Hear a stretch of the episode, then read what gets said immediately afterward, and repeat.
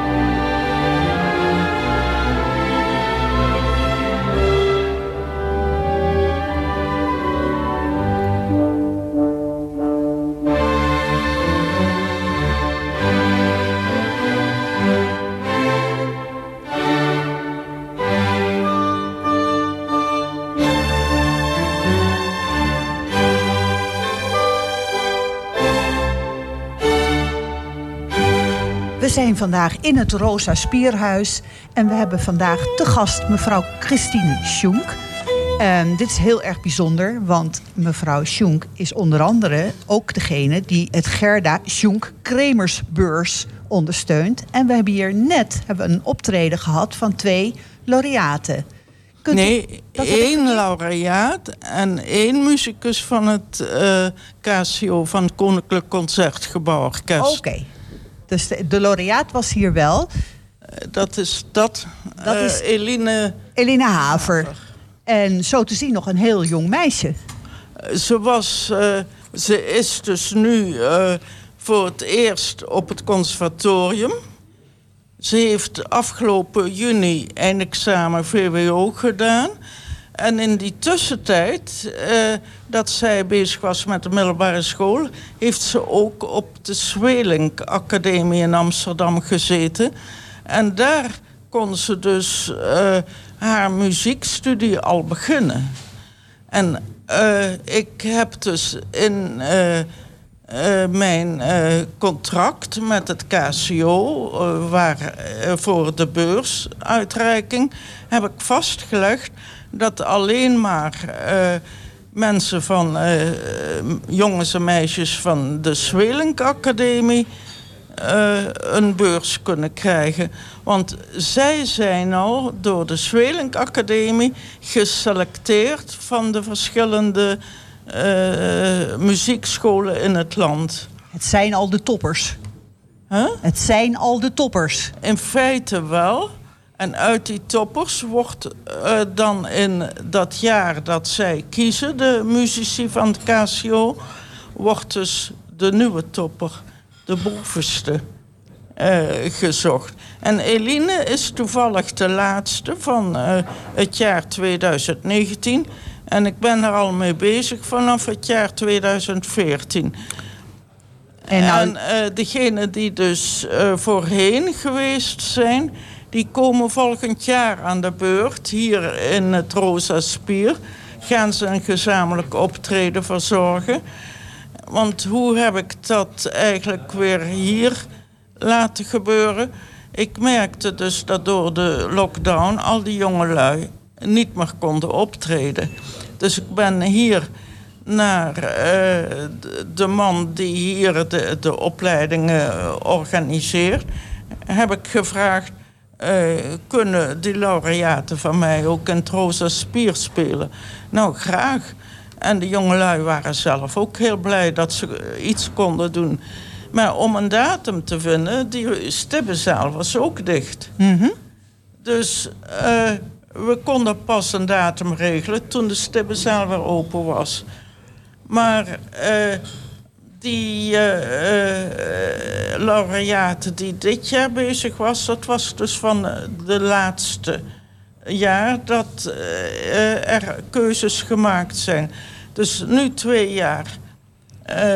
De afgelopen twee jaar eh, is er geen laureaat meer gekozen. Dus volgend jaar juni komt de volgende pas aan de beurt. En nou begrijp ik dat dit fonds, dat het is genoemd naar uw moeder. En dat zij in 1947 al een muziekschool had in Valkenburg. Uh, 40 jaar bestuurslid is geweest van deze muziekschool. En dat u dit toch, zij gaf iedere leerling al een goed rapport mee. En in ieder geval, oefening baart kunst. Maar het moet ook altijd wel kunnen hè, bij deze jonge muzikanten. Ja, ik heb ook gemerkt, je moet een zekere doorzettingsvermogen hebben. En tegelijkertijd toch bij muziek spelen is het ook belangrijk dat je je spieren uh, rust kunt geven. Die combi is voor de jongelui vaak moeilijk. Dan willen ze te veel tegelijk. En twee zijn dus al afgehaakt. Oh jeetje. Maar het is dan in ieder geval wel heel erg fijn dat ze in ieder geval over financiën zich even geen zorgen hoeven te maken. Want daar is dan een uh, fonds voor. De, de financiën is dus vooral een zaak van de ouders. Maar ik heb dus uh, voorgesteld dat in het jaar dat ze de beurs gekregen hebben, dat ik hun collegegeld betaal. Want het rare is, terwijl ze nog maar gewoon uh, op een middelbare school zitten, ze moeten ze het volle bedrag van college van het conservatorium moeten ze aan Zweling betalen.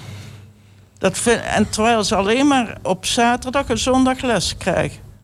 Ja, dat klinkt vreemd, hè? Dat Ja. is, eh, daar moet misschien dus toch ik iets heb aan gezegd, gebeuren. nou, eh, dan betaal ik dat. En ze krijgen ook eh, masterclasses van de muzici van het Concertgebouworkest. En daarom ben ik, heb ik de beurs ondergebracht niet bij Zwelink, maar bij het. Dat zodat is- ze daar alle hulp van krijgen. Ja, En er ook Nederlandse kandidaten voor het KCO blijven toestromen. Dat is ook belangrijk. Hè? Dus de top moet in stand blijven. zeker. Wat zal uw moeder trots zijn geweest op dit Ja. fonds? Dat moet echt wel heel erg bijzonder zijn. Nou begrijp ik dat u ook nog donateur bent van het Concertgebouw. U bent donateur geweest van het Concertgebouw en van het Concertgebouw Orkest. Allebei apart, ja. Want die twee organisaties, die waren eerst eh, toen, eh, eh, 100 jaar geleden, waren ze één. Maar in de jaren 50 hebben ze ruzie gekregen. Ja, het kon ook haast niet anders, want het Concertgebouw Orkest ging ook internationaal veel spelen. En dan krijg je ook financieel andere belangen. Dus zij hebben de organisatie gesplitst. Het orkest betaalt gewoon voor iedere keer dat ze spelen in de zaal, eh, betalen ze speciaal voor. Dus dat zijn echt volkomen gescheiden organisaties. Maar waarom ben ik ook donateur geweest van het eh, gebouw? Juist vanwege mijn gehoor hebben zij fantastische voorzieningen. Zij hebben daar, eh, eh, bij, die kun je bij de garderobe eh, halen van die dingen die u op hebt. En die zijn dus echt apart ingesteld voor slechthorenden. En het geluid kun je ook nog apart, het volume instellen. Is dat wat ze tegenwoordig ringleiding noemen? Is dat nee, hetzelfde? dat hebben ze in de Stopera. Dat is nog ouderwets eh, vergeleken met wat ze in het concertgebouw hebben. En ik was zo beter. verrukt over die hulpmiddelen van het concertgebouw dat ik gedacht heb, nou, ik ga hen ook steunen. Maar toen ik eenmaal met het fonds voor het orkest begon, dat was echt een eerbetoon aan mijn moeder ook. Toen dacht ik, nou, eh, twee dingen wordt een beetje veel. Ja. En ik had ook al het Holland Festival, wat ik ook al steunde. En eh, het eh, Nationale Ballet steun ik ook. Nou ja, da- dan eh, zijn die- twee dingen van het Concertgebouw en van het orkest... dat waren eigenlijk de grootste bedragen. Die heb ik toen maar één van gekozen. Maar heeft u wel een hele, hele belangrijke vooral- rol ingespeeld. Ja, en vooral omdat het een langlopend iets is, dat fonds op naam. Eh, dat duurt nog tot 2034. Dat heeft u echt gegarandeerd Ja, tot die tijd. dat Fantastisch. heb ik bij de notaris zo vastgelegd. Dus mijn kinderen moeten dat nog voortzetten.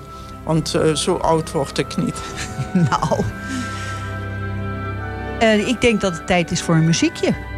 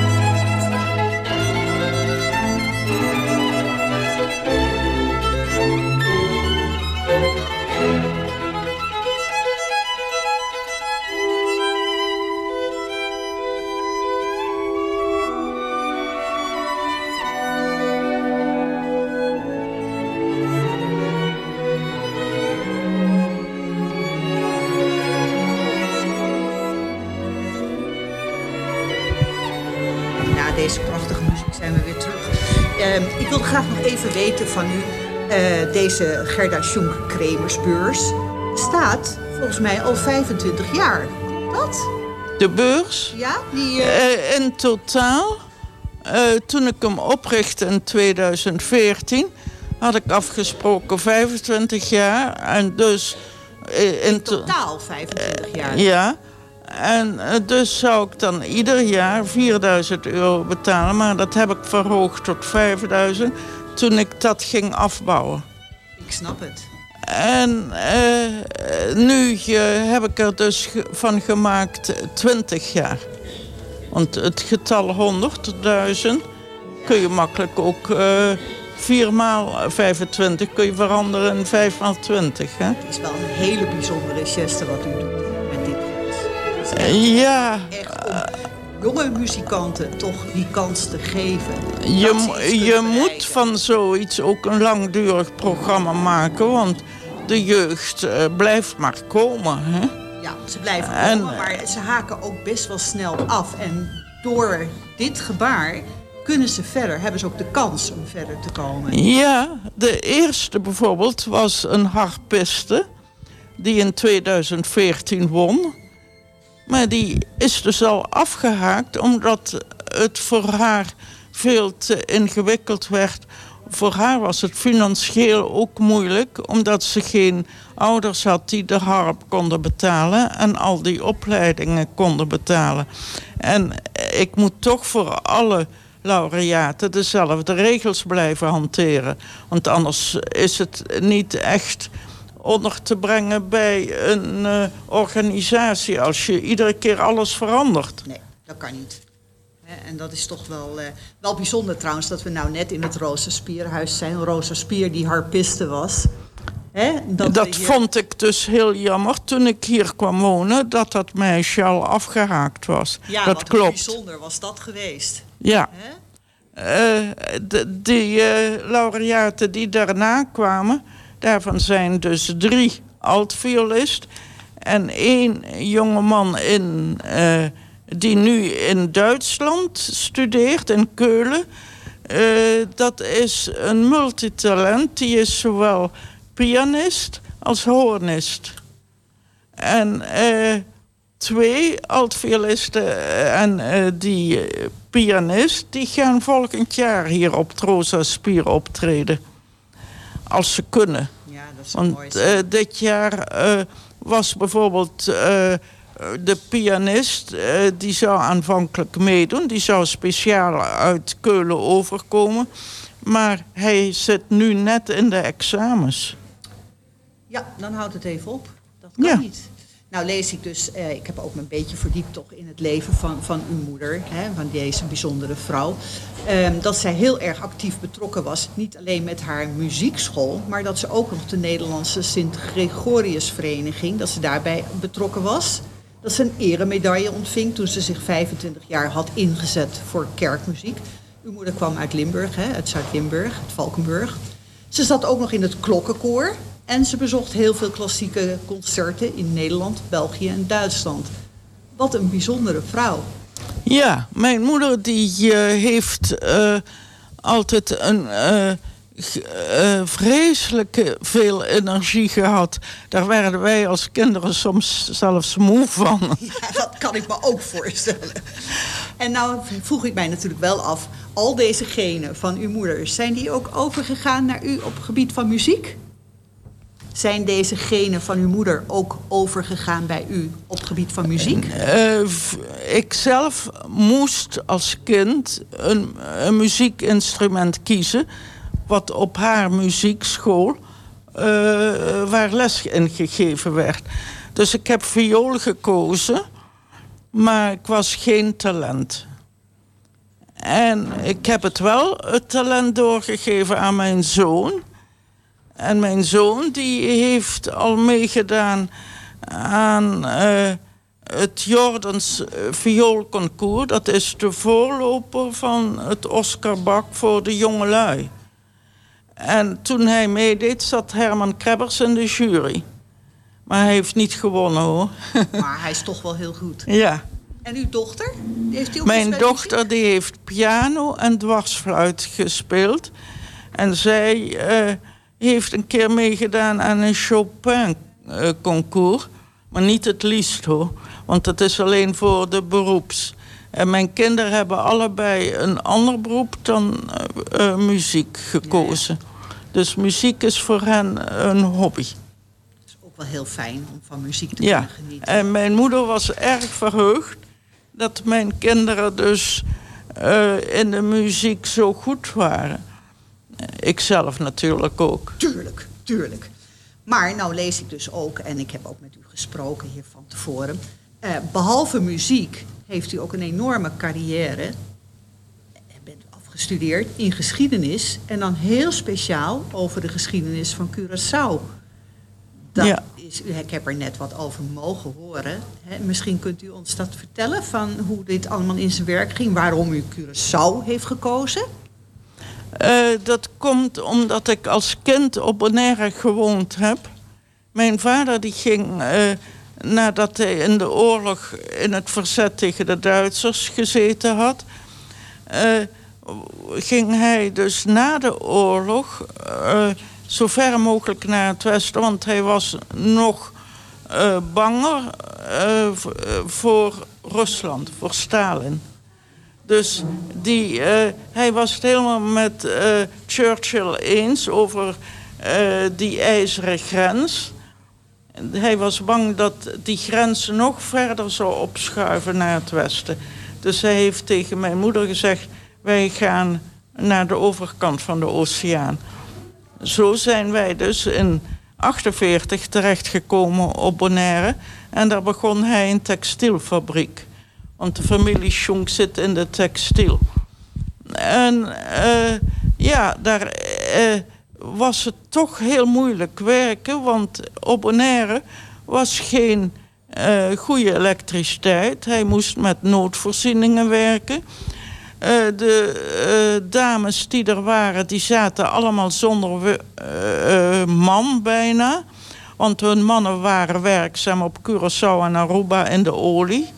Raffinaderijen van Shell en van Esso. Eh, en die eh, vrouwen die kregen alleen het eerste jaar nog geld overgestuurd door hun mannen. Daarna vervielen ze in armoede. Want die mannen die hadden nog de oude levenswijze van de periode dat eh Curaçao nog de eilanden een slavenmaatschappij hadden. Dat eh, de eh, mannen apart van de vrouwen leefden omdat ze verkocht werden. En dan gingen ze weer met een nieuwe vrouw verder. Die maatschappij is nog steeds op vrouwen gebaseerd. Het opvoeden van kinderen was per vrouw, niet per man en vrouw. Een matriarchale samenleving in feite. Hè? Ja, Ja. en dat eh, geeft dus een heel andere dynamiek ook. Dus die vrouwen op Bonaire waren ze heel erg geholpen met die textielfabriek. Maar mijn vader had het daardoor extra lastig. Want die vrouwen moesten toch leren met elektrische machines te werken. Ze hadden eigen vooroordelen. Bijvoorbeeld strijken mocht je niet doen als het buiten regende. Want dan, dan kon je geëlektrificeerd worden. Allemaal dat soort dingen, daar had mijn vader last van. En ja, hij is dus na tien jaar weer vertrokken met zijn eh, eh, textielfabriek. En heeft het verkocht, eigenlijk de fabriek, aan het eiland, aan het gouvernement. En die heeft het weer doorverkocht aan eh, een eh, textiel iemand. Ja, ja. Hoe vond u dat als kind op Bonaire ineens? Het was toch iets heel anders dan Valkenburg? Ja, zeker. Het, eh, het was voor ons kinderen was het een paradijs. Lijkt mij namelijk ook met die prachtige Wij stranden. gingen daar, want- iedere dag zwemmen in de zee. Dat was heerlijk.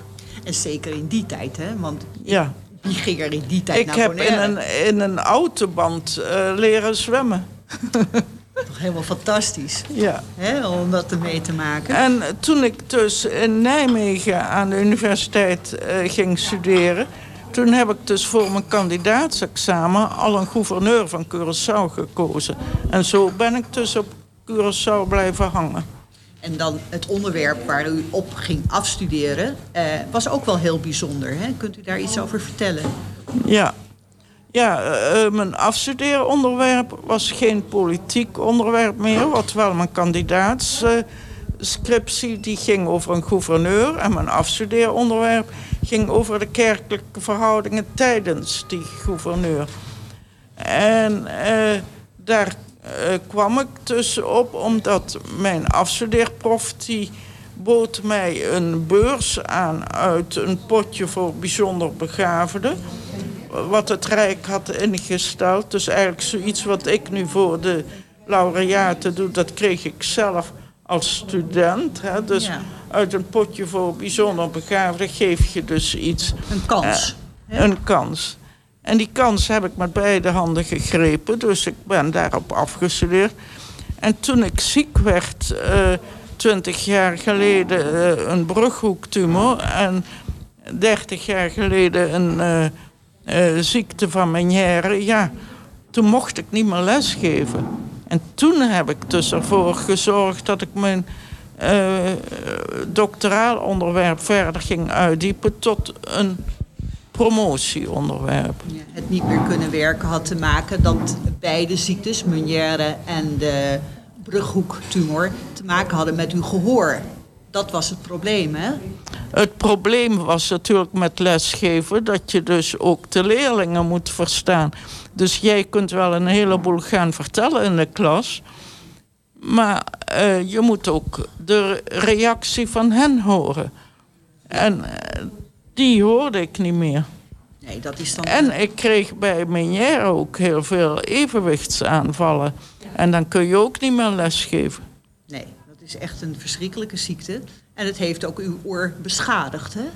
Uh, duidelijk beschadigd. Ik ben nu in uh, onderzoek bij de VU om te kijken of ik een, misschien een cochleair implantaat kan krijgen. Maar omdat ik ook al een beroerte gehad heb, vlak voordat ik promoveerde, werd ik opeens links helemaal lam. En dat was natuurlijk heel vervelend voor mij, maar ja, ik heb uh, toch maar doorgezet en kon nog promoveren. Maar nu, uh, daarna ben ik dus gaan kijken naar uh, iets als het rosa spier waar ik verder kon leven. En dat geeft toch wel een ander soort inhoud aan je leven hoor. Als je in het rosa spierhuis woont, dan ben je eigenlijk bezig met je eindspurt hè, van het leven. Maar aan de andere kant, u was al verteld dat het eigenlijk allemaal al wel voorbij zou zijn hè, met, met deze brughoektoenor. En dat was niet zo. Ja, ik kreeg te horen toen ik dus uh, de uitslag kreeg van de MRI van mijn hoofd, uh, twintig jaar geleden, dat ik nog maar een paar maanden tot hooguit een paar jaar had. En uh, ja, wat doe je dan? Als je net het eerste deel van je proefschrift eh, gepubliceerd hebt in Rome, dan. Uh, uh, en je hebt nog maar een paar maanden, dus dat deel 2 en 3, dat kon ik vergeten. Dus toen heb, ben ik helemaal gestopt. En tien jaar daarna zei mijn neef, die KNO-arts, uh, prof in Nijmegen geweest is die zei tegen mij: Nou, uh, je moet toch maar je proefschrift afmaken. Want volgens de laatste wetenschappelijke berichten kan een brughoektumor die je al zo lang hebt, tien jaar is redelijk lang. Als je het bericht krijgt van een paar maanden tot een paar jaar, mm. dan ben je al uh, redelijk op termijn. Hè? Uh, dus ik heb zijn raad gevolgd. Maar ik moest wel een nieuwe promotor zoeken, want de promotor was al dood. Ja, dan krijgen we dat weer. Dan kunt u verder, is de promotor dood. Ja, nou, uh, mijn oude promotor... Uh, dat was de opvolger van professor Rogier... bij wie ik afgestudeerd was. Die kreeg, nadat hij met pensioen ging kreeg hij professor Spierts als opvolger. En dat was mijn eigenlijke promotor toen ik de ziekte van Meniere kreeg en wilde gaan promoveren. Maar omdat ik dus uh, eerst nog alle archiefonderzoeken moest doen... daar heb ik eh, veel tijd voor genomen. Juist door de ziekte van Meniere kon ik niet steeds uh, doorgaan met reizen. Want met evenwicht is het uh, vliegen ook moeilijk. dat, is ook een rare toestand geweest. Ik moest op Schiphol dan al... Daar kwam ik gewoon vrolijk binnenlopen. En dan moest ik naar de balie voor extra uh, hulpmiddelen. Want als ik geland was, moest ik in een rolstoel... Uh, naar mijn hotel gereden worden omdat ik dan mijn evenwicht kwijt was. Ja, dat is vreselijk.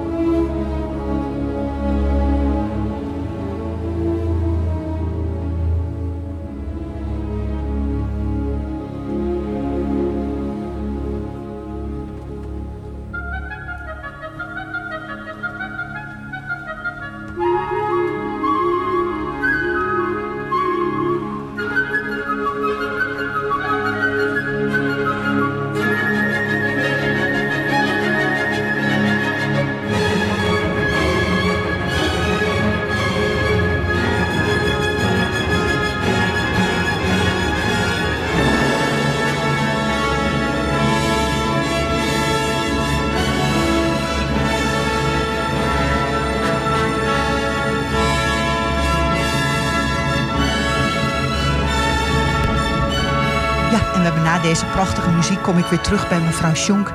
Die, wat toch wel heel erg bijzonder is, uiteindelijk met de nodige tegenslagen die u heeft gekregen. Met, met uw gehoor, hè, met de ziekte van Meunière, met de brughoektumor. En toch gewoon af en toe ook wel eens een beetje pech hebben met dingen. Toch gepromoveerd is. En dat op haar 76ste. Dat is wel onwijs knap natuurlijk. En daar hebben we ook het een en ander over gevonden. Ik zie hier een foto waar u helemaal trots tussen de, de promotoren staat. Kijk, laat ik het ook zien. Um, misschien kunt u daar nog iets over vertellen. Kunt u mij nog iets vertellen hierover? Over uh, dit promoveren op uw 76ste? Want dat is natuurlijk niet alledaags, hè? Dat was beslist niet alledaags, nee. Mijn dochter die uh, wilde meer weten over uh, of ik dus echt de oudste was, want dat dacht zij. En ze heeft alle universiteiten gebeld en gevraagd hoe oud is de oudste vrouw die bij u gepromoveerd was. En ik bleek inderdaad de oudste te zijn. Dat heeft ze dus uh, uh, bij elkaar opgeschreven en aan mijn universiteit, dus de Radboud Universiteit Nijmegen, voorgelegd. En die hebben dat weer in hun website gezet. En zo kwam Vox, het studentenblad van de universiteit, mij interviewen. Over doorzetten gesproken. Ja. Hè? Ja, mijn dochter heeft dat eigenlijk ook uh, weer van de familie, van de vrouwentak van de familie, zijn allemaal doorzetters. En vechters. En vechters, ja, dat ja. klopt ook. Dat zijn het ook, hè? Want u heeft toch ook best wel even een paar tegenslagen gehad. Maar het gaat wel altijd door. Hè? Elke keer weer. Want ik hoorde ook op het moment dat u eigenlijk zou gaan trouwen. dat uw vader al zei: nee, nee, we wachten even totdat u afgestudeerd bent. Ja. Ja, ik heb uh, uh, wel goede raadgevers in mijn uh, ouders gevonden. Want het afstuderen is voor een meisje in die tijd... was dat niet zo normaal. Van mijn jaar zijn ze niet allemaal afgestudeerd, de vrouwen. Nee. En uh, zij uh, waren... Uh, mijn ouders waren dus eigenlijk voor hun tijd al heel goed in de moderne opvattingen. Vond u het op dat moment ook leuk, dat advies? Ja, maar het leuke is dat mijn vader het van mijn moeder overgenomen heeft. Hè? Want het was eigenlijk een idee van mijn oma. Dus van de moeder van mijn moeder. Want ja, ja. die vond dus dat vrouwen echt hun eigen opleiding moesten hebben. De zussen van mijn opa, van moederskant, waren allemaal onderwijzeres. En die hebben dat allemaal uitgeoefend. Goed Totdat hoor ze trouwden. Want dan moest je stoppen in die tijd. Ja, en dat heeft nog best lang geduurd. Hè? Dat vrouwen ja. inderdaad in het onderwijs sowieso bij overheidsbanen ja, moesten ik, stoppen. ik heb nog meegemaakt bij mijn eerste baan. Van uh, 1966 begon, was ik afgestudeerd. En toen begon ook mijn eerste baan. En daar heb ik maar een jaar kunnen lesgeven. Want toen ik zwanger werd, moest ik van de nonnen stoppen. Dat was een nonnenkostschool. Ja. ja, dan moet je stoppen inderdaad. En ik mocht niet de baby meebrengen. Want ik dacht dat ik de baby wel in een kamertje daar kon uh, stallen. Maar dat was natuurlijk onmogelijk. Ja, dat duurde nog niet een paar jaar, maar heel veel jaren voordat dat weer kon. En ik heb ook een keer meegemaakt bij een sollicitatie dat uh, de commissie aan mij vroeg hoe gaat u dat nu doen met uw kinderen? Toen zei ik, nou meneer, hetzelfde als u dat doet. Ja. Ja, en wat zei die meneer toen? Uh, dat weet ik niet meer, maar waarschijnlijk uh, heeft hij daar een heel nietszeggend antwoord op gegeven. Ik denk maar, dat hij geen antwoord had. Ja, daarom weet ik het ook niet meer. Nee, precies. Nou, begrijp ik. We hebben natuurlijk deze promotie gedaan, uw studie gedaan. Het is waanzinnig knap, die studie die u heeft, helemaal heeft gedaan over Curaçao en over het. Uh, als ik goed heb begrepen, gaat het inderdaad over de mix van verschillende geloven op Curaçao. Hè? Dat is waar het. Uh... Uh, nou, eigenlijk gaat het vooral over uh, hoe heeft de verboden godsdienst, eh, dat is het katholicisme geweest op Curaçao. Hoe heeft die toch de grootste bevolkingsgroep katholiek kunnen maken... terwijl uh, de West-Indische Compagnie uh, protestantse leiding had. In Nederland was iedereen protestant, ja. Zelfs gereformeerd. Want Luthers mocht ook niet. Nee, nee. Dus ik heb onderzocht waarom de paters Jezuïeten met name dus toestemming kregen. Want voor de, de protestanten is de orde van de Jezuïeten altijd heel gevaarlijk geweest. Dus die hebben in de afgelopen jaren heel veel tegenslag gehad. Ja, dat klopt. Is... En uh, die tegenwerking heb ik ook onderzocht. Ik heb dus onderzocht hoe de Jezuïeten op Curaçao terecht konden komen. Daar mochten missioneren. En de afspraak met de gouverneur van Curaçao was... Uh, jij mag hier blijven wonen, zei hij tegen een pater die gevlucht was vanuit Zuid-Amerika naar Curaçao. Want hij werd door de Spaanse Inquisitie vervolgd. Want hij had gesmokkeld voor de Indianen van Zuid-Amerika tabak naar Curaçao. Eigenlijk nog volgens de routes die nu nog voor de drugs gelden, die routes werden toen al gebruikt voor de tabak. Dus tabaksindustrie in Amsterdam was heel beroemd, ook in Zuid-Amerika. En die pater vervoerde die tabak van zijn indianen naar Curaçao. Toen moest hij vluchten voor de Spaanse inquisitie. En hij ging naar Curaçao. En die gouverneur vond goed dat hij daar bleef wonen. Maar dan moest hij wel die zwarte slaven die allemaal door de West-Indische Compagnie naar, Zuid, uh, naar Curaçao vervoerd werden en vandaar verkocht naar de slavenmeesters eh, in Zuid-Amerika, die moest hij katholiek maken. En waarom?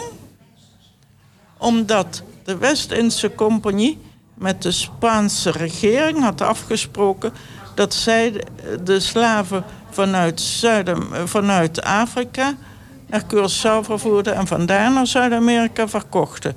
En de Spaanse regering heeft dat altijd als een vreemde soort tweedeling gezien. Zij uh, wilden best wel handel drijven met hun vijand. Want die afspraak is al gemaakt tijdens de, Spaanse, de 80-jarige oorlog. En uh, zij wilden dus die slaven wel laten vervoeren door de, hun vijand. Maar dan moest de vijand wel die slaven katholiek maken. En daar hadden ze de jezuïet voor nodig. Wat een geschiedenis is dit. En die jezuïet die mocht alleen maar als enige persoon uh, daar blijven. Terwijl de jezuïeten eigenlijk altijd in, in een uh, uh, kloosterordegebouw leefden mochten ze dat op Curaçao niet. Ik zou nog uren en uren naar u kunnen luisteren, naar deze spannende verhalen allemaal. Ik heb al een klein voorgesprek met u mogen hebben over deze geschiedenis.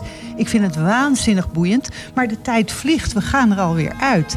Ik wil u heel, heel hartelijk bedanken. Ik heb ongelooflijk veel respect voor u. Eh, een ongelofelijke vechter. En iemand die gewoon doorgaat. Doorgaat ook als het een keertje misgaat toch verder gaat. En ik, uh, ik vind het fantastisch. Ik heb echt genoten van dit gesprek. Dank u wel.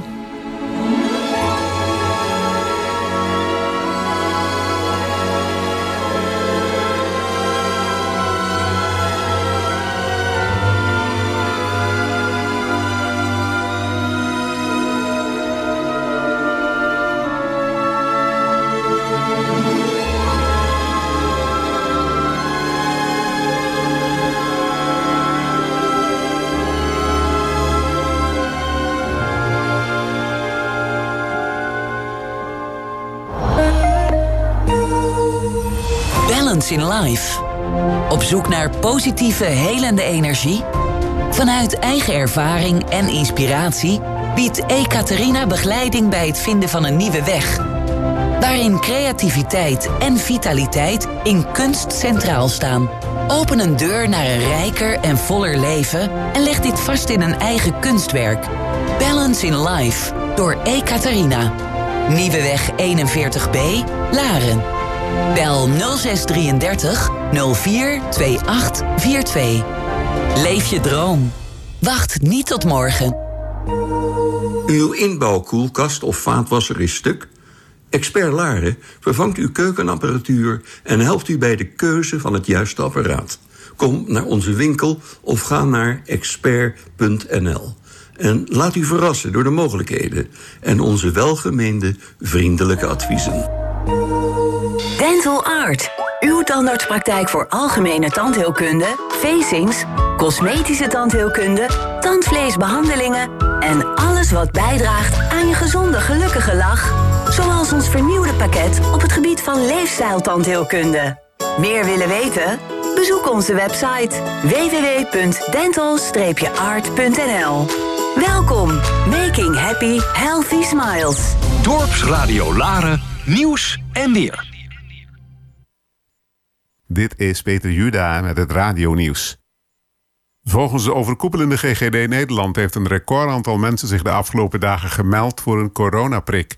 Gisteren, daags na de persconferentie van het kabinet, lieten zo'n 13.000 mensen een eerste prik zetten bij een GGD-locatie waar geen afspraak nodig is. Ook maakten er ruim 18.000 via het callcentrum of online een vaccinatieafspraak.